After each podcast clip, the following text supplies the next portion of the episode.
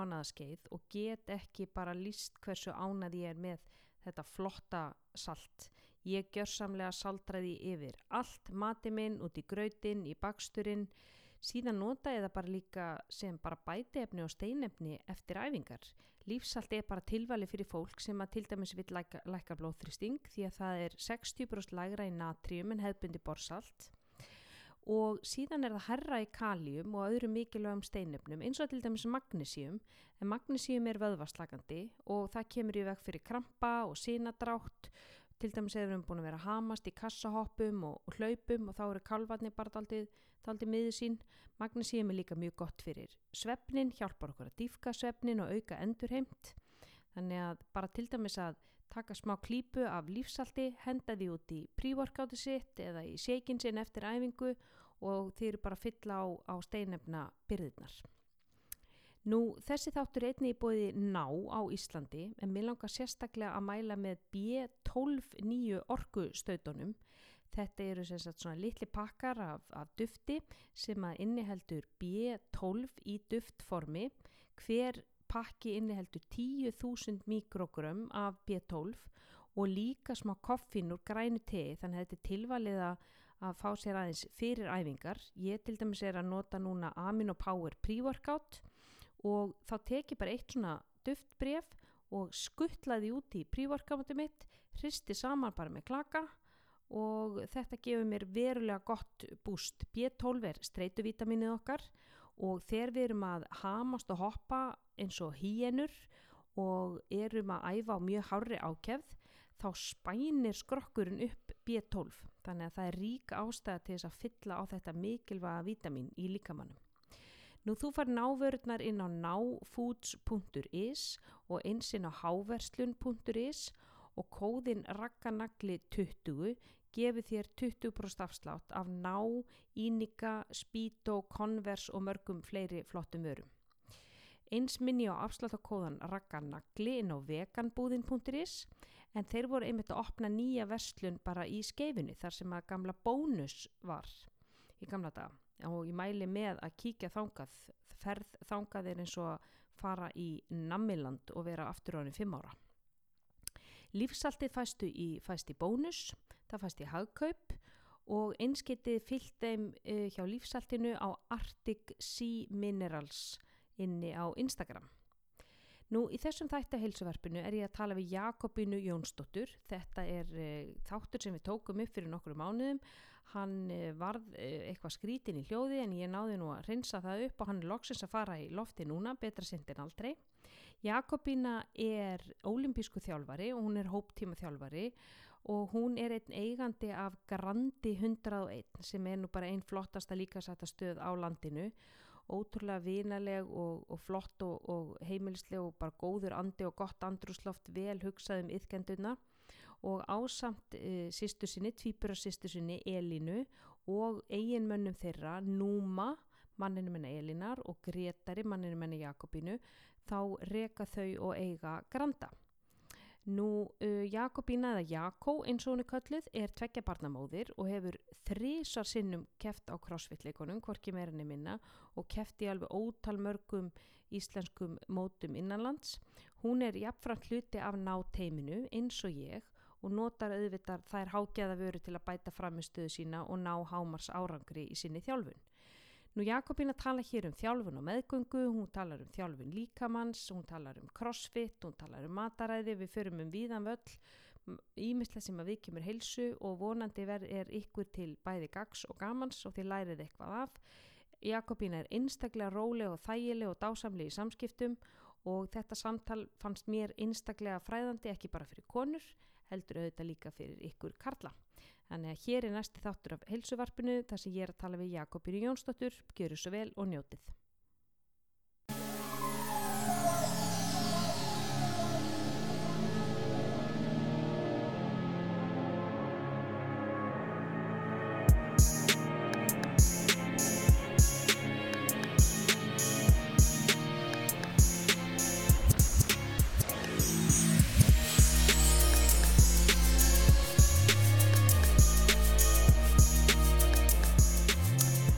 Halló og velkomin í heilsuvarpið.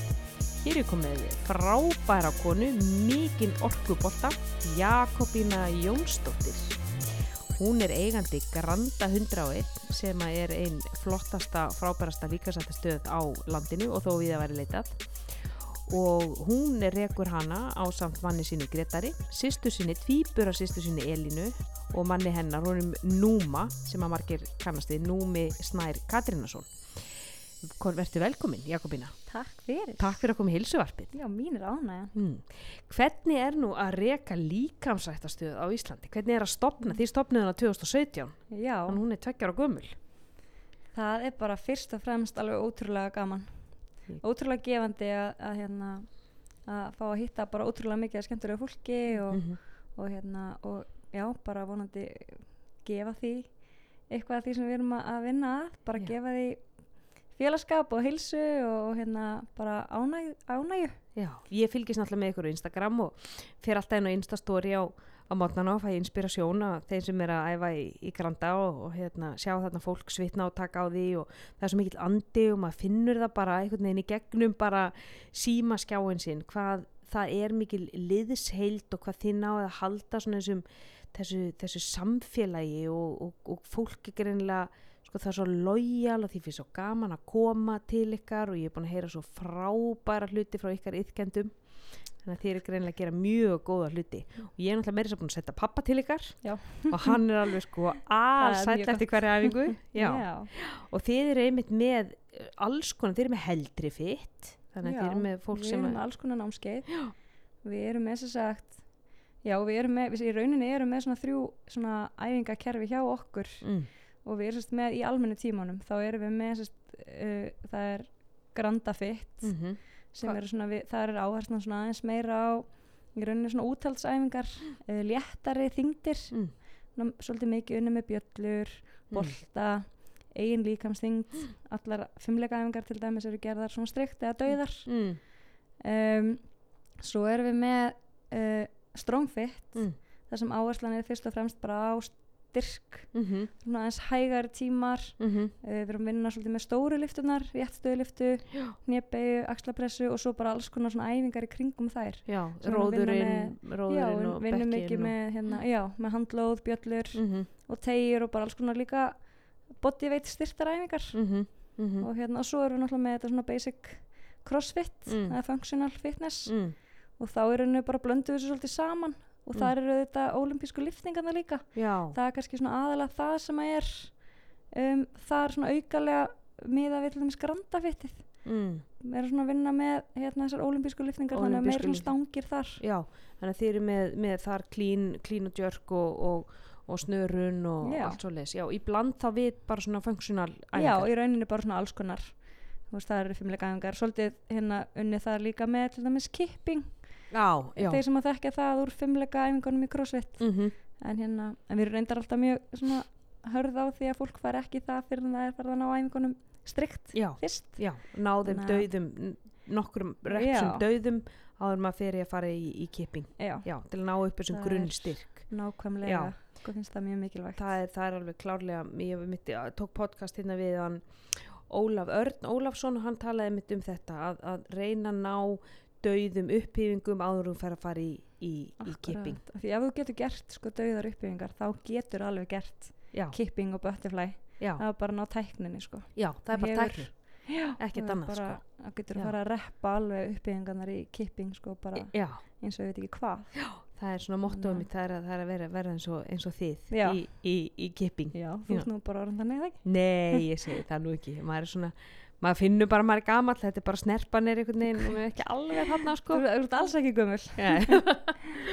en svo erum við líka með, við erum alltaf með þessi námskeið það er bara svona loku námskeið já, og hérna þá erum við með heldri fitt sem er svona fyrir, er, við hugsa um það fyrir eldri borgara. 60 ára eldri eða ekki? Jú, það við finnst mér svona- frábær það námskeið hjá okkur. æðislegir tímar. Já, og bara því ekki hópurinn sem er að mæta sko. að því að sko þarna sko, þarna spurningum lífsgæði að sko maður sem að liftir sjötugur versus maður sem að liftir ekki að reyfi sig ekki sjötugur mm þar er heimin og haf í lífsgæðum og, og bara allir almenni hristi. Því að sko við komumst upp með þetta tvítug, þrítug að vera ekki að æfa en að þessum aldri styrkurinn skiptir öllu máli. Skiptir rosa Já. máli og við höfum einmitt fengið hérna, ég byrjaði með heldri feitt í eh, hvað, fyrra og það var búið að vera á planinu hjá okkur frá því við opnum og alltaf hérna, vorum alltaf ákveðin í því að hafa tíma fyrir eldri borgara og við fengum einmitt inn fólk bæði bara fólk sem hafði aldrei stíðið inn í líkamsækta stöð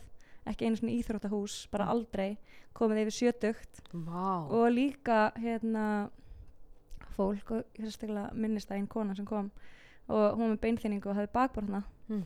og hérna og svona eiginlega bara bakbrotna við flutninga Mm. Og hérna fann í rauninni ekkert fyrir ég vaknaði bara illt í bakinu og þá var hún búin að brjóta einhvern, einhvern hryggjarlega, tvo hryggjarlega held ég mér að segja og henni var bara ráðlegt að fara að lifta, stunda Mm. liftingar Já, Og- af sínum lækni. Já, og mér fannst það svo æðislegt Já. þegar ég heyrði það og hún er búin að æfa okkur núna í rúmt ár og munurinn á henni Já, og hún auðvitað finnur það best sjálf en við sjáum það svo greinilega Já. þannig að mér veist einmitt, þetta er svona einhvern veginn að verða fólk er að verða meðvitaðar um það hvað það er ótrúlega mikilvægt fyrir auðvitað alla en sérstaklega konur sem eru svo miklu líklegri til að fá Sérstaklega Já, að lifta svolítið þungum lóðum. Já. þétta beinin. Þétta beinin og bara fá upp þennan, þennan almenna grunnstyrk að, og, og vöðvamassan sem að vöðvamassin stiður við beinin og þetta verða líka bara aukin lífsgæði að geta bara borið sína eigin póka bara út úr bónus og út í bíl. Veist, svona einföld verkefni sem okkur finnast ekkert mál eru kannski gríðarlega, gríðarlega mikið mál fyrir konu sem er 75 ára hefur aldrei lift lóðum einmitt og er bara orðin, orðin rýr og veikburða Já, Já. það er meira svo bara að lifta höndunum og það geta það ekkert Nei, allir. lifta bara höndunum fyrir ofan, ofan Já. það er bara, ef þú gerir það aldrei þá veginn, þá styrnar bara upp og Já, hann hugsaði sko allar þessar daglegur reyfingar, bara það að taka töskuna sína og setja hana upp á, á, á töskuberran fyrir ofan sæti í ykkur, flugvél sko, Mhm. þegar þú getur þetta ekki eins og sjálfur.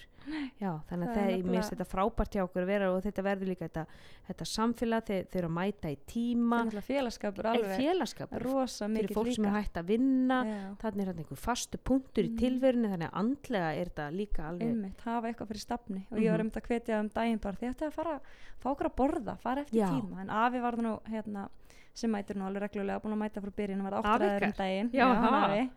hann var 80 ára og, Vá. hérna, og mitt mætti að sjálfsögða á æfingu á ammálstæðin Ó, og það var einmitt kaka, kaka eftir æfinguna og það var einmitt svo ótrúlega gaman að sjá þau. Öll hana sveitt og sæl nýbúna æfingu, að borða köku þetta var bara Æ, Þetta var bara æðislegt og ég hef mitt hugsað bara sjálf á hvað, ég bara, ég sé þetta fyrir mig bara sjálf þegar ég er orðin þetta gömul, Mhm. þú veist að mæta bara á æfingu og vera með vinum mínum og mhm. þetta er náttúrulega bara, þetta er nátt- náttúrulega algjör forréttindi að geta betur. gert þetta. Og vera bara að líða bara nokkuð vel á þessum aldri, það er náttúrulega bara æðislegt. Já, það eru, að- eru, það eru forréttindi, það er ekki spurning. Og það lítur að vera alveg ótrúlega gefandi fyrir ykkur að, að sjá einmitt þegar að fólk þegar að batna hjá þeim lífsgæðin algjörlega. svona rosalega og þið sjáu það virkilega bara frá dag frá degi, viku til viku, mánan til mánan þeir sjáu bara sjáanlega mun á, á, á fólki. það er bara einmitt Já. það sem heldur mann í þessu starfi. Það Já. er það sem gera þetta starf svo æðislegt. Já. það er bara að sjá munin á fólki og bara svona þegar fólk svona ég hef oft fengið fólk til mér bara "Ó, þetta er svo skemmtilegt, bara loksins fann ég eitthvað sem ég veist skemmtilegt. Mm og þá, þá fæ ég svona bara já, þú veist, og Já. ég man svo sjálf þegar ég byrjaði að æfa svona. Og bara svona það var svo gaman. Og það er auðvitað svo mikilvægt að manni finnist gaman það sem maður er að æfa svo maður haldi áfram í því og endist ekkit Nei, lengi í einhverju sem þið finnst leiðilegt Nei, það er bara þannig Segðu mig, hver er þinn bakgrunnur? Hvernig kemur þú inn í functional fitness? Herðu, ég var mikið í íþróttum sem krakki Mm. og svona lengsta var ég í sundi Mm. og hérna og þegar ég hætti því svona á mentaskóla árunum þá fór ég svona sjálfbór svolítið í ræktin orna, var ekkert mikið að gera byrjaði svo einhvern veginn óvænt eiginlega bara að þjálfa spinning Mm. var eiginlega svolítið í gegnum bara Elinu og Núma Mm. og hérna þau var að þjálfa spinning Hvar? þau voru upp í hérna Nordica Spa sem var þá Já, já, já. og ég byrjaði þar og fór svo yfir í World Class Mm. og var að kenna ótrúlega mikið spinning þar Mm. og svona þegar ég var að byrja þá var þetta að verða ótrúlega vinsælt Mm. og maður voru alltaf fullir tímar og maður var rifist um hjólin Hvað ár var þetta? Þetta hefur verið svona, þetta hafi ekki verið 2005-06 eitthvað svo Voru þið þá komni nýri, nefnir ekki komni nýri laugar? þá voru við í lögum, jú Jú, voru lögum, já. og jú, byrjaði þar já. og fór það hans út á Seltjarnanes Mm. var svolítið svona á báðum stöðum og það var eiginlega bara út á Seltjarnanesi ég var bara á æfingu sjálf þá sé ég það crossfit í gangi í vörklass mm. þannig fyrir utan, ég var búin að sjá þau nokkur sinnum Evert varmt að þjálfa Mhm. og ég bara ákvæði veginn svona að skella mér kíkja niður, það Mhm. var svona algjört bara svona nýbúin á æfingu og bara svona svolítið svona ána með mig og bara fór niður bara herðið mér okkar að prófa þetta, Mhm. hvernig get ég prófa Mhm. og Evert, mætti Evert þarna Mhm. og hann bara herðið, þú getur bara að byrja á morgun Mm. bara grunnámskeið, mæti klæðan 6 í fyrirmáli Mhm. og ég bara eitthvað, já, ég gera það bara Mm. og þannig eiginlega bara byrjaði þetta ég varð algjörlega húgt frá degi, degi, bara degi frá degi eitt og hérna mér fannst þetta bara geggja hvað var það sem fannst svona gegja? Ég veit, það var bara það var náttúrulega ótrúlega mikið bara náttúrulega þessar æfingar og líka bara þessi félagskapur Mm. það var lítil stöð Mhm. og ég verð náttúrulega bara frábær frábær já, og hann á alveg bara ótrúlega stóran þátt í því sem hefur bara komið fyrir mig s- bara því ég hef veginn bara það sem ég hef endað hann Það er það bara, bara- á stærstan þátt í bara að- crossfit sé eins og það er í, Já, í dag á, á. Íslandi það er engin er bara ótrúlega drífandi Já. þjálfari og hvetjandi hann var inn í mitt í podcastætti á mér fyrir, fyrir ekki svo lengu og, og bara það er svo gaman að tala við hann og svo mikil jákvæðni og gleði og orka hann svo hóvær og, og það er bara svo ótrúlega gaman og gott að vera kringum hann. það er nákvæmlega það held ég að það sem er svona laðaði fólk líka bara Já. að þessu. Það var, og ég held að það sé mitt, veist, og það hefur alltaf verið hjá mér að þjálfarnir bara í þeim íþróttum sem ég æfði já, og sömulegis í crossfitinu þeir hafa alltaf spilað ótrúlega stóran þátti því að, að einhvern veginn að ég hef haldið áfram. Mhm, og svona hvetjandi jákvæðir, einmitt þjálfara sem er bara gott að vera í kringum. Mhm. Og hérna, og Evert er bara það er bara engin undantekning, hann var Mm. bara einn af þessum svona örgulega margir mynd ábygglega að kalla hann bara svona besta þjálfaran. Já, og einmitt bara að því að hann er svo það er gott að vera í kringum hann, hann var alltaf gaman að mæta á æfingar. Mhm. Og hérna og auðvitað æfingarnar en líka bara út af því að það var gaman að vera og gott að vera í kringum hann, mann leiði vel mann fannst maður að vera veist, metina verlegum Já. já einmitt, maður var bara einhvern veginn alltaf bestur þegar maður var búin að Evert svo ferðu, svo ferðu að keppa. Ég man Já. eitthvað þú kepptir aðeins og Ég einhvern veginn var- það var svo- já, Já, ég hérna var eiginlega einmitt bara, ég var nýbyrjuð að æfa reyndar fyrstu mánuðin eða fyrsta árið þá mætti ég bara á æfingar þar sem voru ekki liftingar ég var Mm, spinning og var bara rosa mikið að hlaupa og, og einhvern veginn hafði aldrei lift nein, nein, þingdum sko. Nei og ég bara kunni það alla mm, og mér fannst ég bara einhvern veginn ekki þurfa þess. Mm. og hérna var svona svolítið kardiókanna algjör, Já. bara algjör kardió kanna sko. eins og svo marga konu detta í. Já, detta ég bara, í þetta mér, ég sá ekkert eitthvað ástæði fyrir að ég þurfti að vera eitthvað að detta einhverju þungu eða nei, taka einhverju þungar hnipið. Svo er það líka fyrir sko okkur, við erum svona svipa byggða við erum svona frekar svona litlar og Já. grannar svona vexti sko að þetta er, þetta er svona oft erfiðara fyrir okkur og, og það er auðveldara fyrir okkur að hlaupa. Ég get ímyndið mér að þú sett svona svona betri í því sko. betri í því að hlaupa og var svolítið léttar og svona og það, þannig að þá er ég góð í því og það er ég bara í því og, Það og var svolítið þannig. já, ég var svona að ég er góð í þessar æfingu þessi, þessi er góð fyrir mig og þá mætti ég. Mm og svona skipaði svolítið þessum hérna æfingu sem ég í rauninni hefði frekar átt að, taka. En ég man að var þjálfari í Krost Æsland Arnars þá. Hann hérna, hann sagði mitt um bara að þú verður að, að taka, þú verður að lyfta þungu líka. Já, bara fyrir þjarnina í beinunum. Og ég man alltaf eftir því þegar hann sagði þetta við mig og ég Mm. fór svona eitthvað að hugsa bara er, er þetta rétt? Já, Já. bara það meikar alveg sens. Já, og Það- hérna eftir þetta þá fór ég að mæta á liftingaræfingar líka. Já. en hérna, en byrjaður svo rólega. En svo að því varst að spyrja með hérna mótið, Mm. þá kefti ég sko á mínu fyrsta svona Evrópumóti 2011 já, og það var ymmit sko algjörlega ég verð að þakka já og hérna, ég veit samt ekki hvort ég þakkanum að því ég var engan veginn í stakkbúin fyrir þetta mót nú, ok en þetta var bara eitthvað, það var lið, liða, hérna, ég var sett í liðakefninni það var Mm. líka einstaklingskeppni var þetta í. Danmörku? þetta var í Svíþjóðrendar í já og hérna og við vorum sérst, já við vorum bara sex í liði mm. og eða átta ára tveir varamenn og þetta voru bara einhver, einhverja þrjára æfingar eða eitthvað sem við keftum í og ég man svo vel að hérna, það var sérst 24 kíló að ketilbjalla Mm. sem ég átti að sveifla Mm. man ekki hvað, 25 sinnum eða eitthvað Mm. og ég gati ekki klárað það sko já, á einhverjum mjög lungum tíma ok og þetta var alveg bara svona í það ennþá alveg bara svona hrollaði að tala um þetta því að þetta var Já. bara eitthvað hræðilegt í minningunum bara að hafa ekki getað klárað og veginn eh, einhvern veginn brást liðsfélagunum en þú veist Já. þetta var svona bara lítið mótið það voru tvö lið að keppa það var ekkert eitthvað svona ég vissi rauninni ekkert út í hvað ég var að fara. Nei, en væntingarna þetta verið rosa háar já, og því úr svona einmitt, þú ert að þú ert þarna með hann bara, já, ég þarf greinilega að verða sterkari. Já, Í- já, ég þarf að bæta ég tækni ekki að sína hvað ég var góð að hlaupa sko, ég, ekki að þessu móti. Það, það er líka góða við, við crossfit sem maður veit ekkert. Nei, þetta er eins og svona forrest skömm sko. Já, bara eins og, eins og konfettkassi, maður veit ekkert Mhm. hvað maður er að fara að fá og þú veist, það var eins gott að vera bara í líkamlegi stakk búin fyrir allt saman sko. nákvæmlega. Mm, mm. Að, að já, En þetta var sérst fyrsta móti Já. og svo, svo urðu hinn töluvert betri. Ég fór svo alveg á fleiri. Ég fór líka svo Evropamót, það var einmitt í, það var í. Bolton reyndar 2012 Ó, og eftir það voru svo mótin í Danmörku. ég man eftir Það þér til sko þau þar voru svo í hérna Madrid á Spáni. já, Þannig að já, ég kæfti alveg í Danmörku, tvísar eða þrísar uh, eða hvað já, Mm. það var alveg 2014 mm. og 2000, já, svo átti ég bad 2015, svo var ég aftur 2000, og- nei, 2016 þá, já, já, það ætlaði að vera 2016 þá var reyndar á Madrid, í Madrid. Já, já, Jú, þetta var, það var- voru flesta árin í Danmörku já. já, einmitt, einmitt. Þannig, að- en við komumst svo að heimsleikana. Svo fóruð á heimsleikana? Já, þrís var sinnum. Vess og Gú, já, segðu okkur frá þeirri þá var maður alltaf búin að æfa alveg rosa mikið hérna- það var þegar þið voru ennþá í Los Angeles eða hvað?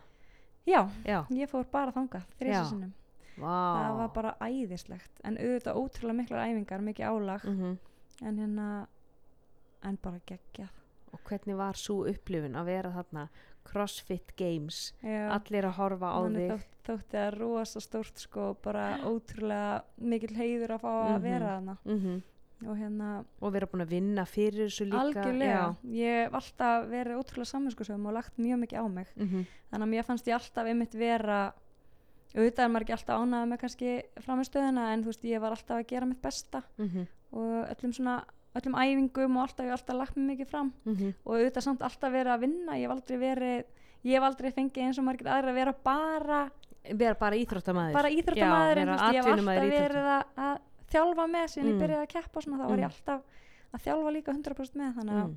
veist, maður þurfti að vera mjög skipulagður Mm. og svona svolítið skipilegja tíman já, sinn alveg stundum erfitt að, að fara að þjálfa þegar hinn fóru bara í hátegismat og einmitt og þurfti þurfti þú kannski að taka æfingu. og já, já. já, einmitt. En hérna en ég, þetta var samt bara æðislega tími og ég já, ég hef þetta ekki viljað er vera að gera í gríðaleg gríðaleg reynsla sem fyrir reynslubankan þar já, heldur og betur mér finnst bara ótrúlega gaman alltaf að æfa þetta var bara gaman, gaman á æfingum. Já. erum alltaf góður hópur að æfa saman og þetta er bara sem er líkilatriði í því að halda þessari heilsuhegðun að æfa að þetta sé skemmtilegt. Til algjörlega líði vel það er gott, þið þið finnst, þið gaman, þú hlakka til. Þetta hlakka maður ekkit alltaf til að vakna klugan 5.20 og þú veist að þú veist að það er að þú ert að fara að henda einhverjum 150 wallballs eða eitthvað skilu þetta er ekkit þú veist, ef þú mætti velja en það er samt eitthvað sem að drífa mann Já. áfram. Það er bara þessi veljuna tilfinning og sigra sjálfan sig og, og, og, og það að líða óþægilega, þú veist, þetta er ekki sársöki þetta er Mm. bara óþæging og líka bara svolítið að hugsa um sko tilfinninguna sem maður fær eftir æfingu. Mér finnst það allavega oft svona hvetjandi sjálfri að Já. maður er þreyttur, maður ennir kannski ekki á æfingu og maður er svona ég er svona stundum að velta því fyrir mig hvort ég eigi kannski bara að sleppa æfingunni. Mm, en svo hugsa ég um þeim bara að ég veit ég verð svo glöð þegar ég er búin. Já, og dagurum verður bara einhvern veginn miklu betri. Já. það er bara einhvern veginn þannig. Mér finnst einhvern veginn óþægindin að fara í gegnum æfinguna miklu skári heldur en einhvern veginn sko tilfinningin að hafa sleft Já, æfingu, bara, þessi hverju- eftir sjá vera allan Já. daginn bara akkur dreif ég mikið á æfingu? Já, og ég er alltaf þannig farðu, þú getur alltaf farið út. Já. þú getur alltaf farið heim aftur. Mm, þú ferð ekki heim. Fara aldrei heim, aldrei heim. Þú Þetta er klárar bara um alltaf. leið og maður er einhvern veginn Já. mættur, byrjaður og við segjum það líka oft, ég menna, þú veist, fólk ef að veist, margir bara í dag eru allir að vinna ótrúlega mikið og Já. það er rosa mikið stress og mikill hraði á öllum.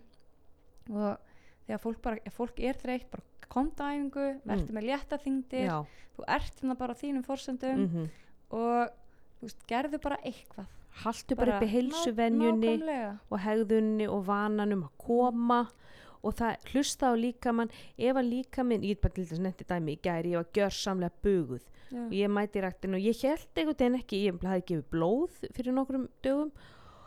Og ég, ég áttaði mikið á því að þú veist, ég væri ennþá einhvern veginn að vinna úr því og ég byrja bara á upphitunin er bara eins og ég sé að hlaupa marathon. Ég er að hlaupa 200 metra sko.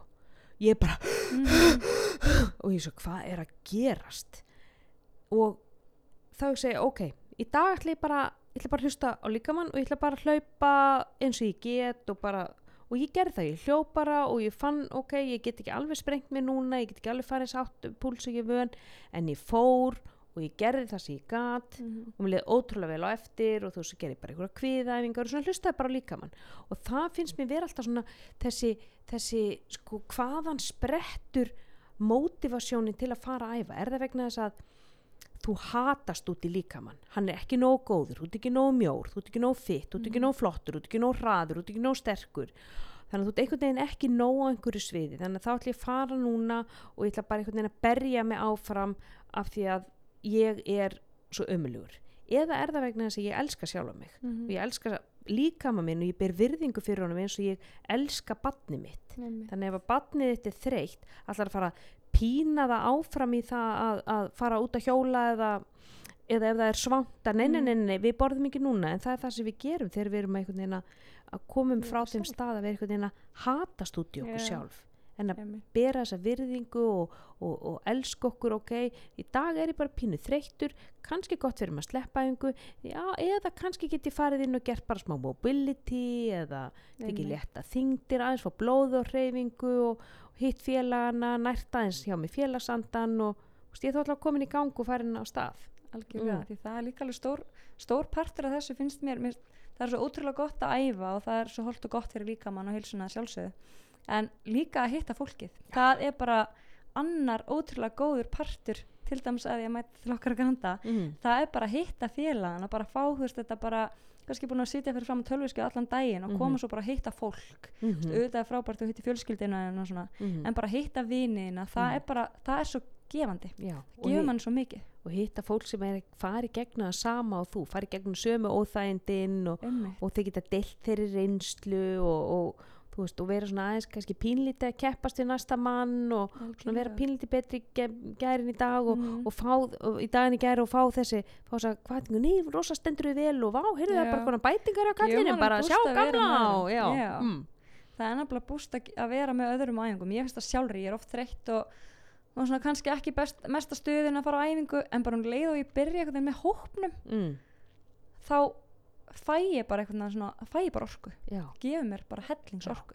Þeir eru með fullta tím þeir eru líka með mömmu þitt. Já, við erum alltaf með mömmufitti já, sem eru, fyrir, er, hérna, eru tímar fyrir er það fyrir ófríska konur við, við erum með fókusun á nýbakaðar mæður. Nýbakaða maður en við höfum verið með líka ólíta konur í þessum tímum. Mm. en tímanir eru klokkan hálf tíu á mótnana Mm. þannig að flestar ólíktar konur á Íslandi eru bara að vinna fram á liggu við síðasta dag bara frá þanga til að bara. Já. það er bara að missa vatnið sko Já. Mhm. svo erum við þetta með úlingafitt og krakkafitt og lifefitt sem eru svona tímar fyrir fólk sem eru svona að koma sér að stað mm. skiptir Mm. meðsli eða hefur ekki í mörg ár já, eða bara aldrei svona Og- bara rólegir tímar já, já, sniðugt bjóðum upp á alls konar já, þannig að mömmu fittið er fyrir nýbakar mæður og þær geta mætt með börnin sín já, já, það er mæta yfirleitt með börnin með sér. Já og, og notið börnin, ég hef síðan stundum að börnin eru notuð kannski halda á þeim í einhverjum nýbegjum og eitthvað. Við gerum það reyndar ekki.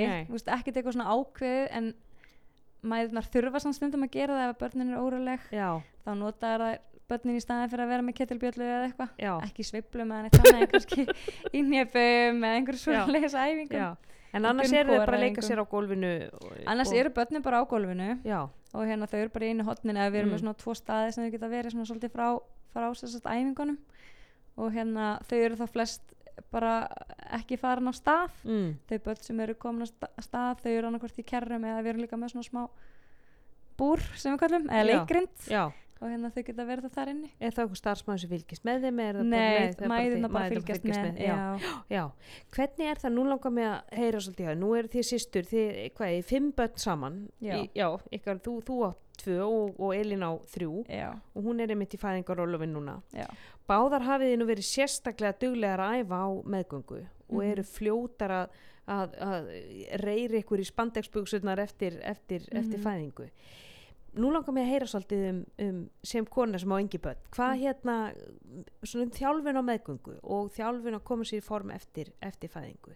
Svona, hver er þín reynsla og, og náttúrulega bæði sem móðir og sem þjálfari? Já, ég, sko, reyfing á meðgöngu fyrir mér bara, var bara ótrúlega mikilvæg mm -hmm. og hérna, og ég veit það samt alveg að ég var ótrúlega heppin og Elin sýsti minn líka við gáttum hreift okkur bara og æft fram á síðasta dag Mhm. og við gáttum gert ótrúlega margar æfingar uh, sem ekkert allar geta gert. Og hérna að sjálfsögðu eins og hvað?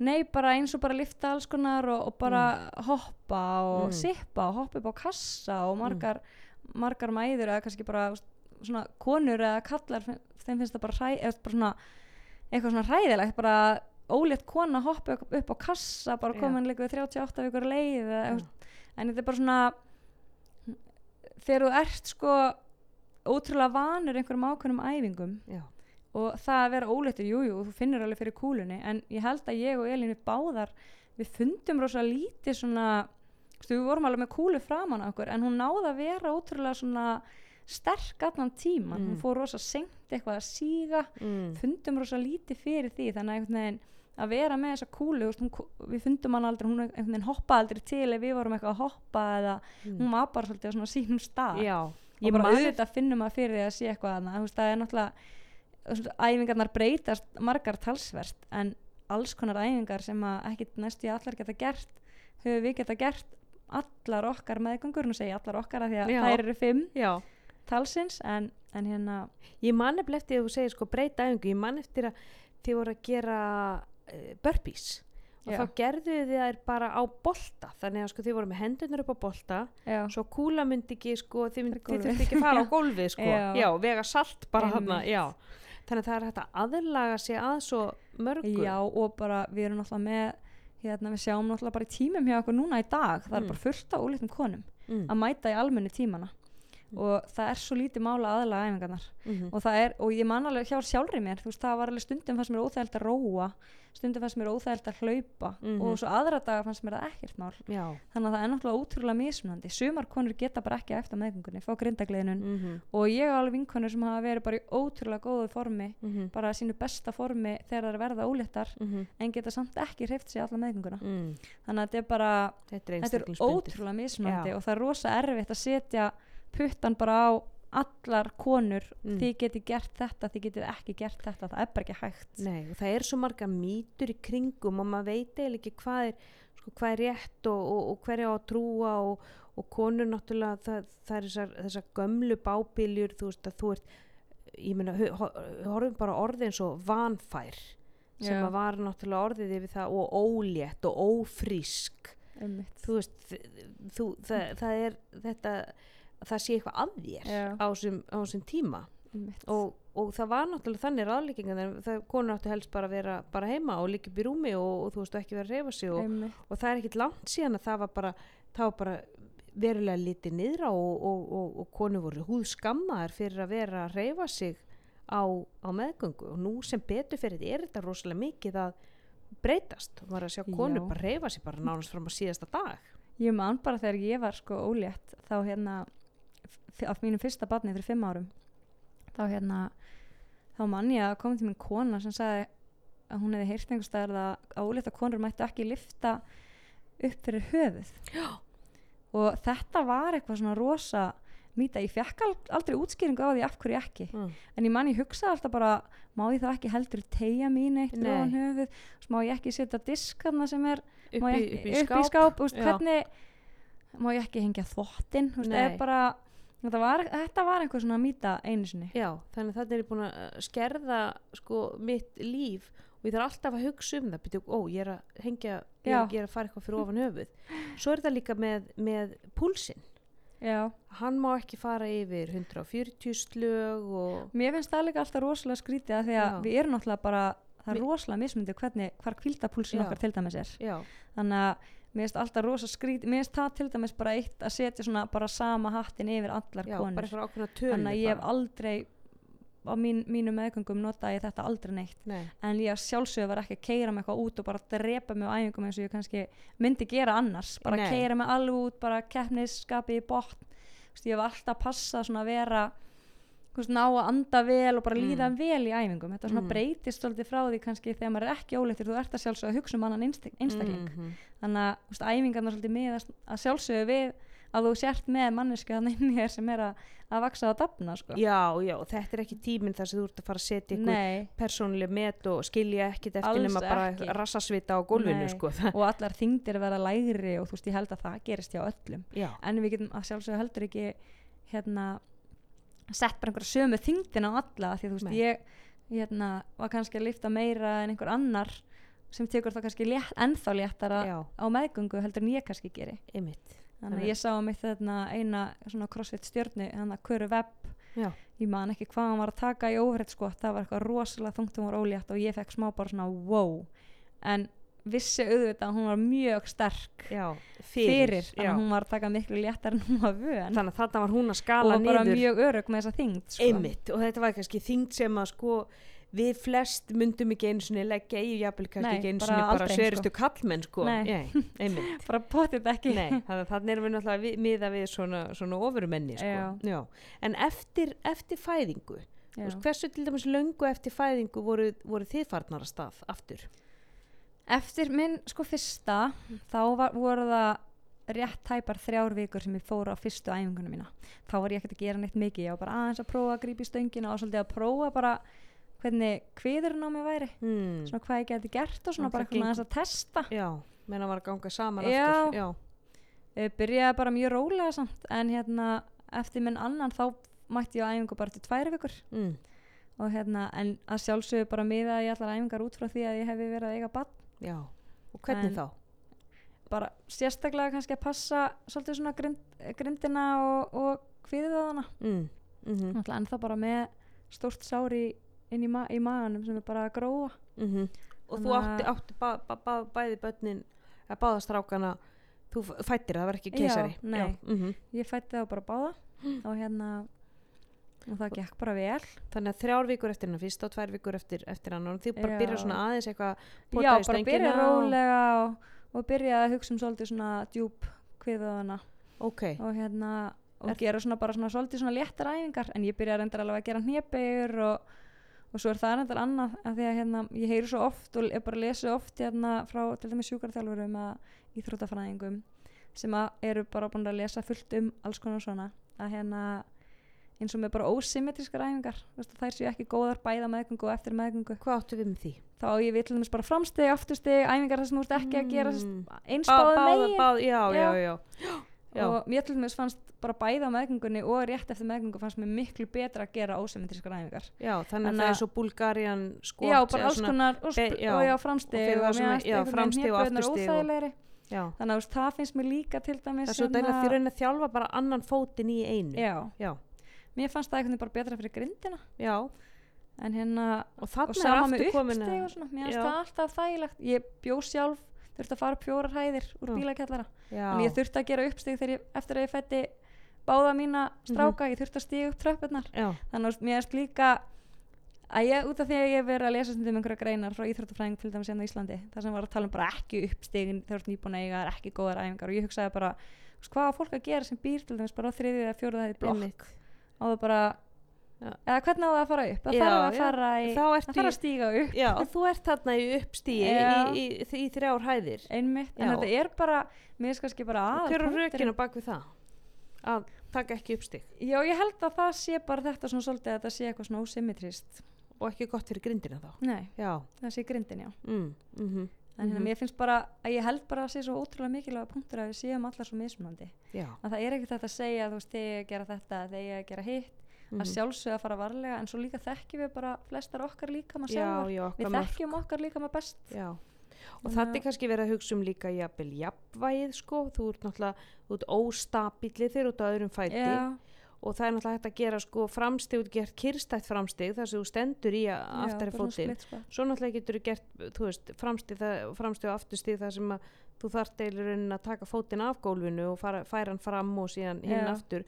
Þannig að þetta komin í aðeins meira áhættu á því að, á því að Mhm. detta og ég tala ekki með þú setur annan fótinn upp á eitthvað já, þá ertu fann að reyða þig á ballansinn og þá Mhm. náttúrulega ertu komið með auka þingsli á kúlunni framan á einmitt þannig að það er kannski líka það sem er verið að koma í veg fyrir að, að, að þú dettir ekki bara hreinlega að því þú Já. komið náttúrulega með en þá er náttúrulega líka bara veist, ég myndi kannski ekkit fara að segja ég myndi aldrei fara að segja ef einhver sem hefði aldrei hreift sér neitt að fara að Nei. gera einhver framstig nei, en, en kannski einhver sem er búin að vera í þessu mjög lengi og er búin að vera að taka kannski bara framstig með 70 kíló hérna 70 kíló stöng bara í, mörg ár. Já, hún geti alveg léttilega gert það með einn líkamstingt já, og ég myndi ekkit hafa ágjör af því að hún fær eitthvað að detta. Nei, veist, hún bara kann þetta alveg og veit alveg hvað hann er að gera Já. og gert þetta lengi og og er með þess að góðu líkamsvitund líka. Það, það er það sem skiptir nákvæmlega, máli. Hún þekki bara sinn líkam og svo ótrúlega vel Já. og það er einmitt kannski það sem við stelpunar sem hefum verið í crossfitinu og hefum orðið óléttar vitum líka, við Mm. þekkjum bara líkamann okkar, mm -hmm, við vitum alveg hvað við gerum og mörgum finnst við kannski vera að gera einhverja svona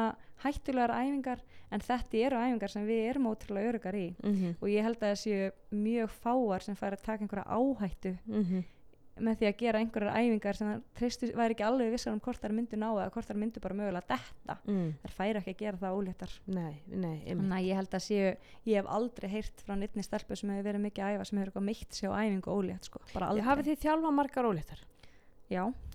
bara mjög margar. Já, og bara, það, þær taka bara þátt í eitthvað tímum já, og bara skala niður þingdir og, og gera það kannski við hjálpum þær með æfingar já, við aðlugum þær, við erum ekki Mhm. að vinna mikið til dæmis með einhvern svona einhverja svona bara core æfingar.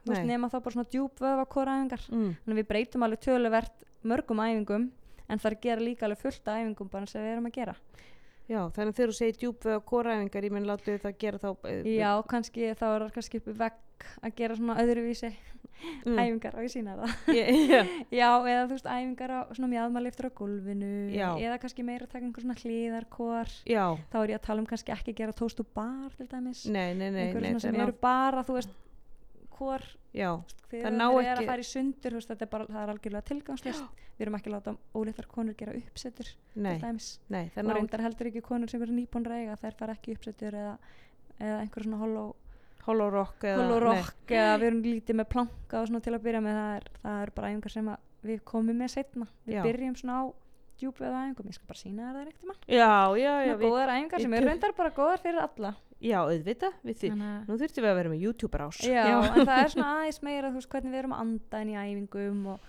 og svona við erum svona með svolítið fókus á því til dæmis í hérna í mömmutímanum. mm. Það er svona bara hvernig er, þú veist, hvernig við eigum að spenna djúpuðana mm -hmm. Mm og, og svona virkja þá í öllum æfingum líka bara. mm. Já, þetta er allt saman þetta er allt saman einstaklingsbundið og, og, og bara vinna út frá sinni getu. Og, Já, og í rauninni hvar stendur þegar þú ert, verður ólétt? Ertu í alveg fanta formi og, og hvernig ertu á meðgöngunni? Ertu raust eða þú veist eða færðu grindagliðnun allt saman bara vinna með, með sig? Það er engar universal reglur í Nei. þessu. Nákvæmlega. Og það er ymmit, þú veist, það er ymmit að því að þegar við erum til dæmis með mömmu námskeiðin þá eru þær allar svo ótrúlega ólíkar. mm. Og við getum ekkert, það er ekkert allar að, að gera sömu æfingar nákvæmlega alltaf. Þannig, og, og sumar eru búin að vera hjá okkur mörg námskeið. Það Mhm. hafa alveg verið hjá okkur upp í 11 námskeið. Mm -hmm. og hérna þá er náttúrulega börnin bara að verða einsás. Mm hérna, og aðrar eru kannski að koma eftir fjóra til sex vikur eftir áttu þannig að það eru rosalega mismunandi stöðum. Já, þannig að það er svo mikilvægt einmitt og við tölum um það alltaf í fyrsta tímanu bara að þið eru hérna á ykkar forsendum. Mm og það er engin keppni þeir eru ekkert að hugsa um en aðra nema bara ykkur. -hmm. og við reynum svona að, að stimpla það svolítið vel inn Mm bara þetta er engin keppni -hmm. og, og einmitt líka með að ná sér svona því fórst aðeins inn á það áðan bara með veist, recoveryið eftir meðgengu það Já. tekur tíma Já. og þó að þó einhver sjáu mig hérna bara byrja aðeins eftir tvær vikur. Já, þú veist, það er bara samt alveg hellingur í land. Já, já, og þú ert alveg lengi að, ná þér eins og varst. Og þó að þú sért sko, koma tveim vikum eftir, eftir fæðingu þá eins og segir, þú byrja bara eitthvað dútlaðins með stöngina. Þú varst ekkert að koma tveim vikum Nei, eftir og, og, byrja að maksa klínið Nei, sko. nei, nei. bara alls ekki. Og það Og- er svona það, það sem fólk þarf að hafa í huga. Þó ég sé byrja að mæta í ræktina þá er ég ekkert að mæta þarna all in bara nákvæmlega sama stað eins og ég var fyrir nýju hálfum mánuði síðan og sko. það er reyndar og líka því að hérna eftir mína fyrstu meðgöngu þá mann ég ég opna að æfa allan tíman bara líka við þar til ég fór upp á fæðingadeild og var rosalega spennt ég mann ég hugsaði bara vá hvað verið næst bara þegar ég get verið að æfa og kúlan verið farin og ekkert fyrir mér og þegar ég mætti á fyrstu æfingarnar þá kom ég bara svona má óvart hvað einhvern veginn mér fannst bara öll orka farin já, mér fannst ég vera um orku meiri þegar ég var ólétt, kas ólétt, bara Já. komið 40 vikur heldur um bara það rétt eftir ég átti mm. -hmm. þrejum fjóru vikum eftir ég átti mér Mm. fannst ég bara gjörsamlega það var svo að það verið tekið bara svona eitthvað öll orkan úr mér var En það þá út af svefn- fæðingin að sjálfsögðu, hún tekur bara ótrúlega mikið á já, og og brjóstakjöf brjóstakjöfin Mm. og bara fyrstu dagarnir, fyrstu vikuna, fyrstu Mm. mánuðinir þetta er rosa mikið álag á, á sérstaklega konuna og Mhm. sjálfsögðu á, á hérna föðin líka en sérstaklega á konuna mhm, eða móðurina það tekur bara ótrúlega á. Mhm. og maður þarf að gefa líka mann tíma til að jafna missa sig. svepp já, rosa mikið svefleysi já, og einmitt brjóstakjöfin og hérna og bara veist, allir þessar hormónar bara allt sem er að gerast og fæðingin auðvitað tekur ótrúlega mikið á. Mhm. og Þannig að hérna- recovery eftir æfingar er, er, er náttúrulega miklu minna vegna þess að þú ert að sofa miklu minna og þú ert að sofa stýttra í einu og þú ert líka að sofa miklu grinnra vegna þess að bara mæður þær sofa grinnra þú hefur alltaf tíma til að borða. Nei, bara- þannig að þú er ert ekki á sama stað sko. nei, þannig að þú getur ekkert, þú mætir ekkert bara full force á æfingu, sko, bara með orkudrykkiðinn og bara eitthvað tilbúin í eitthvað svakalegt, sko, það er bara ekkert þannig. Nei, það er ekki þannig Nei, En ta, einmitt, talandi um orkudrykki þá, þá uh, tökum við nú báðar Amino Pre-Power Workout frá, frá ná já, Já, ég, ég elska það. ég elska það ég, sko, ég, ég tengi einhvern veginn þetta bragði við það að ég sé að fara æfingu þetta er Já. rosalega sálrænt eitthvað. Hvað fleiri bætiefni tekur þú? Ég tek D-vitamin Mm. ásins tek, ring? já, ég reyndar minkaði á sömurinn, eins og í sömur, það var svo gott veður, ég veginn bara ákvaða, Já, láta sólaljósi já, bara ég var vinna. mikið úti og fór til Tenerife og, og hérna Já. þá tók ég smá pásu, mm en annars tek ég D-vitamin alltaf Já. og Omega alltaf. Omega 3 Já, og reyndar íf eiginlega alltaf af því þegar ég hef hægt á íf þá finnst mér ég íver fjölvitamini frá, ná. Já, Já, það er sérstaklega fyrir konur. Ég tek þetta allt frá ná. Já, mm já, mjög ána með þessi já. Og ég bæti stundum við B12 og B12 svo er ég farin að taka okkar. magnesium. Magnesium alltaf fyrir svefnin. og það munar rosalega miklu. Tekur all glútamin ég hef gert það já. Mm. svo bara einhvern veginn eftir ég fór að æfa eins minna þá svona minkaði ég aðeins svona Já. allt annað. Já, en hérna L-glútamin er alveg ótrúlega merkilega aminosýra og ég hef tekið hann, það var einhver sem saði við mig sko fyrir 20 ára, taktu alltaf L-glútamin já, og þarna á þessum tíma þá tók maður bara því sem einhver eitthvað svona yfirvald og eitthvað svona aðeins æðri það, það var bara tekið sem bara bóðorinn tíu sko já, þannig að síðan ég hef alltaf tekið L-glútamin og einmitt fyrir svefnin já. og eftir æfingu og ég veit ekki hvort það sé ykkur livleysu áhrif en, Mhm. en mér finnst þegar hún gegnir náttúrulega líki hlutverki í að styrkja ónæmiskerfið já. og það náttúrulega bælist þegar við æfum svona mikið Mhm. og svo bara býr hún til filmin á þarmaveggina þannig að hún hjálpa við þarmaflórunni og ég hef einhvern veginn rosa trú á L-glútamin og, magnesium fyrir Já. svefnin já, sko. ég þarf að prófa Já, glútamin og ég finni mitt sko þegar ég, ef ég gleymi magnesium þá fer ég að fá krampa í kálvana já finnur þú þetta líka? Sko, ég finna það þegar ég er ólétt Já, og hérna þá fæ ég krampa ef ég tek ekki magnesium. já, En hérna, en mér finnst bara, mér finnst magnesium aðalega bara að hjálpa mér með svefnin. Ég drekk nú yfirleitt freka mikið vatn og svona, mhm, mhm, en, og fæ ekki oft krampa, ég fæ það stundum reyndar mm, á já, næturnar. já En hérna, ef ég hef verið mikið í kassahoppi já, er það? já, þá fæ ég, fæ ég krampa sko Já. í kálvana já. það ég verið nota greinlega kálvana svolítið mikið Já. þar sko já, Þa, það er náttúrulega mikið, það er Já. mikið, mikið, mikið kála að vinna. já.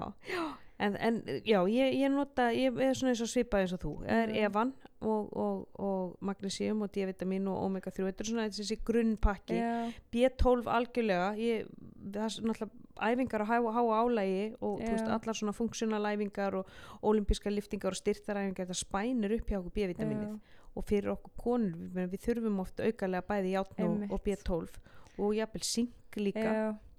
Ég hef einmitt svona, væri svo til í að geta fengið allir þessi vítamin úr því sem ég borða sko mér langar svo að geta sagt það bara Já. ég borða svo holla mat og borða svo reglulega og mikið en þú veist það er bara og ég veit að er bara það, Það er er eiginlega hægt. enginn þannig í dag. Nei, það er bara enginn þannig og það Nei. hefur aldrei neitt verið þannig einmitt.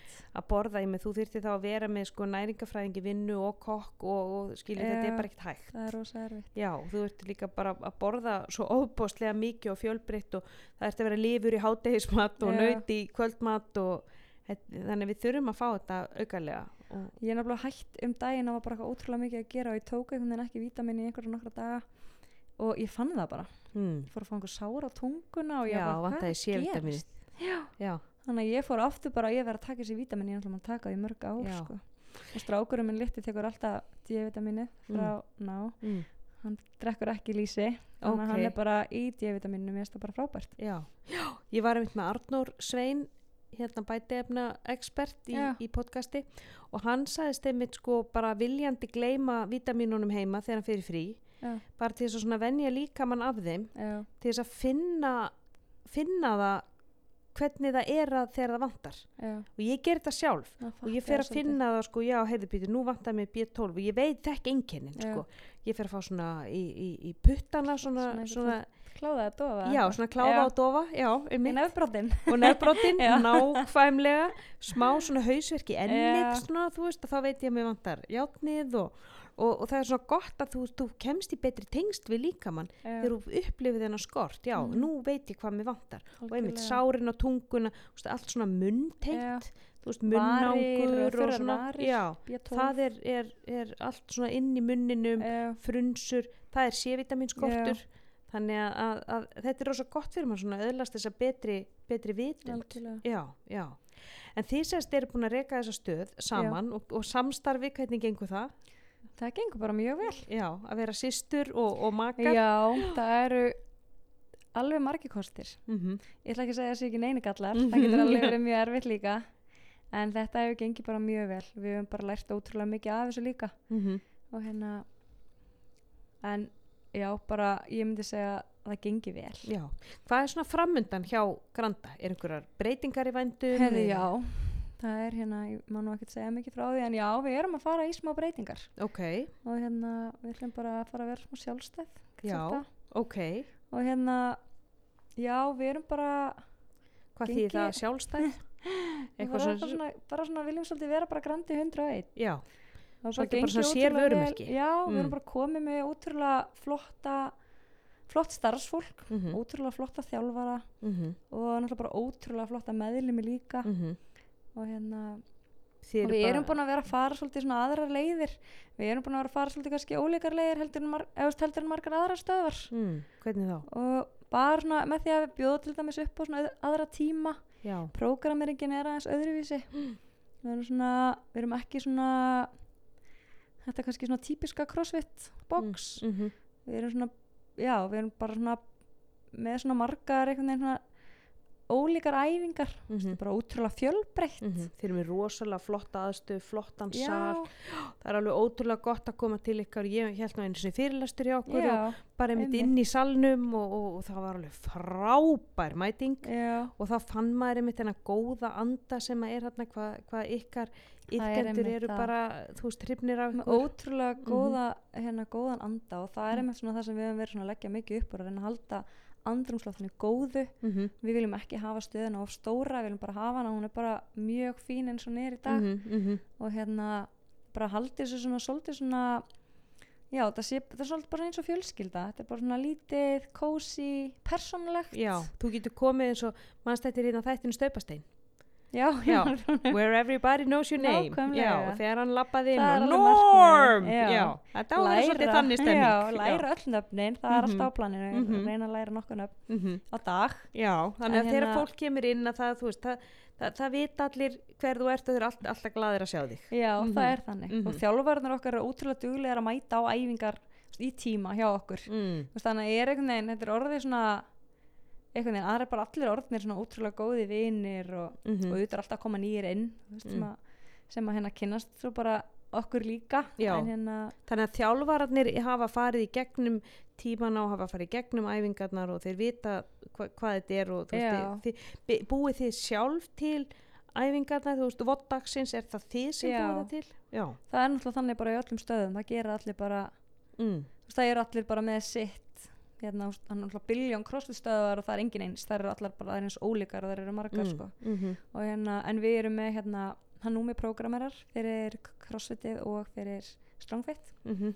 og svo erum við með hérna, erum við með nokkra stráka sem kom úr mjölunni Já, Henning og Brynjar og Óli og Gústi þeir mm programmerar fyrir Grandafitt og svo eru bara, er, já, st- er ég að programmera fyrir mömmurnar Já. og, og svo er, já, Danni fyrir heldri fitt og svo er Telma fyrir úlinga og krakkafitt Já, þannig að og hver hefur Anna og sitt Danni sérsvið? fyrir, fyrir læfitt, já, hún Já. vitið allt. Já, en já, það eru svona bara, þú veist, þeir sem eru svona yfir námskeiðunum sínum, þeir programmera yfir fyrir þau. Og hérna, og Númi hefur svona séð um um crossfitið og já. og það er mjög skemmtilegt þið postið oft upp á Instastory hjá ykkur þá postið upp vottdagsins já, og ég hef svona stundu screenshotað og tekið, Já. tekið það svo sko. Já, og ég man eftir sérstaklega einni. Það var eitthvað átta sinum átta.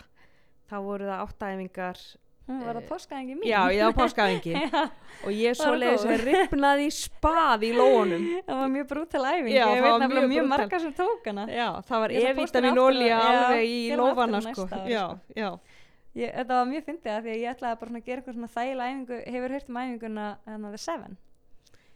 Eh, Seven er líka svona, það er enda sjö æfingar sjö sjöndi endurtekningar já, svona svipað mjög svona já, æfing og all, allir svona sem hafa verið lengi í crossfitu þeir þekki þessa æfingu. Já.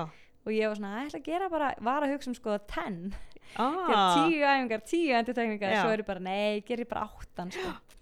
Ég man eftir að það var svo mikið hang sko. það var Já. bæði held í tóstubar og uppbyggingar uppbyggingar. Mhm. að sko ég var orðin, ég, og ég man eftir í síðan sko þú veist ég var orðin, ég var rifin á alltaf þremu stöðum sko í, í lónum mér fannst það svona, ég var svona þarna, þetta er hardcore. Þetta var aðeins svo Eh, mikið. nei, það var ekki mikið, þetta var bara hardcore dæmi sko. en þetta, það má alveg stundum sko. auðvitað. Þú veist, að maður sé ekki alltaf og það er líka svolítið það sem við erum að leggja áherslu á að granda er að, og við höfum bara lært það bara í gegnum tíðina við, þú veist, númi og bara við öll sem erum að þjálfa og granda og erum að ræðum þetta oft hvernig við viljum hafa stöðina mm.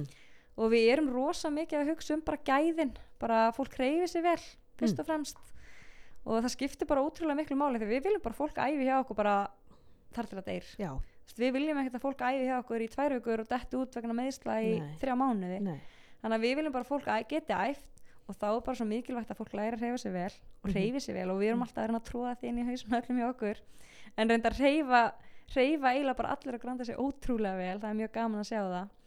En, og við erum ekki alltaf að, þjöstnast svona, við erum ekki alltaf í því. Við erum oft bara í svona svolítið mikið að hugsa um bara að reyfa sér vel auðvitað að fólk að svitna og taka á því Mhm. og úst, æfingarnar oft mjög bara næstum alltaf mjög krefjandi. Mm en, en fókusin á að reyfa sér vel kemur fyrst og fremst. Já en þessi æfing sem þú tala um mm. ég held hún verði bara árlega núna hérna, hérna í frá ég ætla að taka hann næstu Um páska. það. Já, já, já, það var alltaf bara páskadagsæfing ég er nýbúin að fá mér sko ný grip já, frá Workit sem er íslenskt hérna, íslenskt merki mjög flott sko. Svona, og það eru svona þunnar er ekki, mörg svona grip allt og þykk en ég næ ekki alveg svona ég næ ekki tengslum við stöngina. já, þetta er svona fimmleikólar sko. já, já.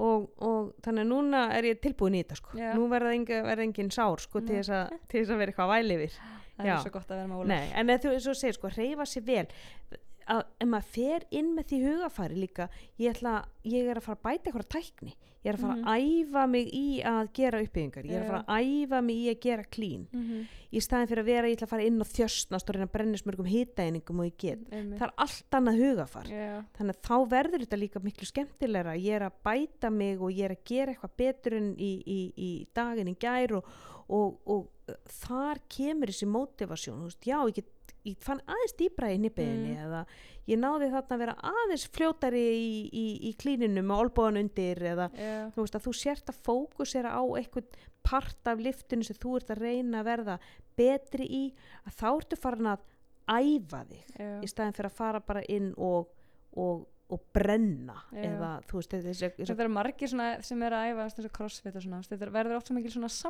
já, og að reyna að vinna sko félagan eða að vinna að vera undan einhverjum. Alveg sama hvernig það þú er gerir það. gleymist oft svolítið fókusin og ég skilða það sjálf, ég er keppnismannskja mm -hmm. hérna, en ég er undan hefur bara veginn alltaf innbytt mér ótrúlega vel að því að hreyfa mig vel og hugsa um að gera æfingarna vel, mm. -hmm. því að ég vil bara ég er að gera þetta fyrir mig. Ég vil, ég vil verða sterkari og betri. Og ég veit að það gerist ekkert ef maður er alltaf eitthvað að rífa upp til dæmis bara of þungt og, og næri ekki að halda tækninni, næri ekki að halda beinu baki og akkurat. Það er svona það sem að skipti máli. Já, þannig að mér finnst um þjálfara veist, þá finnst mér svona markminn á ekki þegar einhver manneski bæti tíman sinni einhver endilega, heldur bara þegar ég sé hann að reyfa sig vel. Já, og jafnvel einhver sem bara einhvern veginn hafði enga samhæfingu og bara, hef, bara hafði kannski aldrei hreift sig. Mm og þú veist, maður er alveg lendi í því að segja fólki veist, horfir á fólk og sýnir þeim eitthvað æfingu og svo gera það æfingun og gera það bara einhvern veginn allt öðruvísi. -hmm. og það er bara einhvern veginn ekkert einmitt svona engin svona líkams meðutend Mm þannig að vantar bara að fólk er ekki vant að hreyfa sig. -hmm. og, en að sjá svo þegar fólk er komið með þetta og ég tala nú ekki um ólimpísku lyftingarnar já, að sjá fólk gera þær vel. Já, með það bara ekki fallegra. Já, bara það er bara veist, þá finnst mér svona já, það Já. skiptir ekki máli þá að það sé ekki þungt.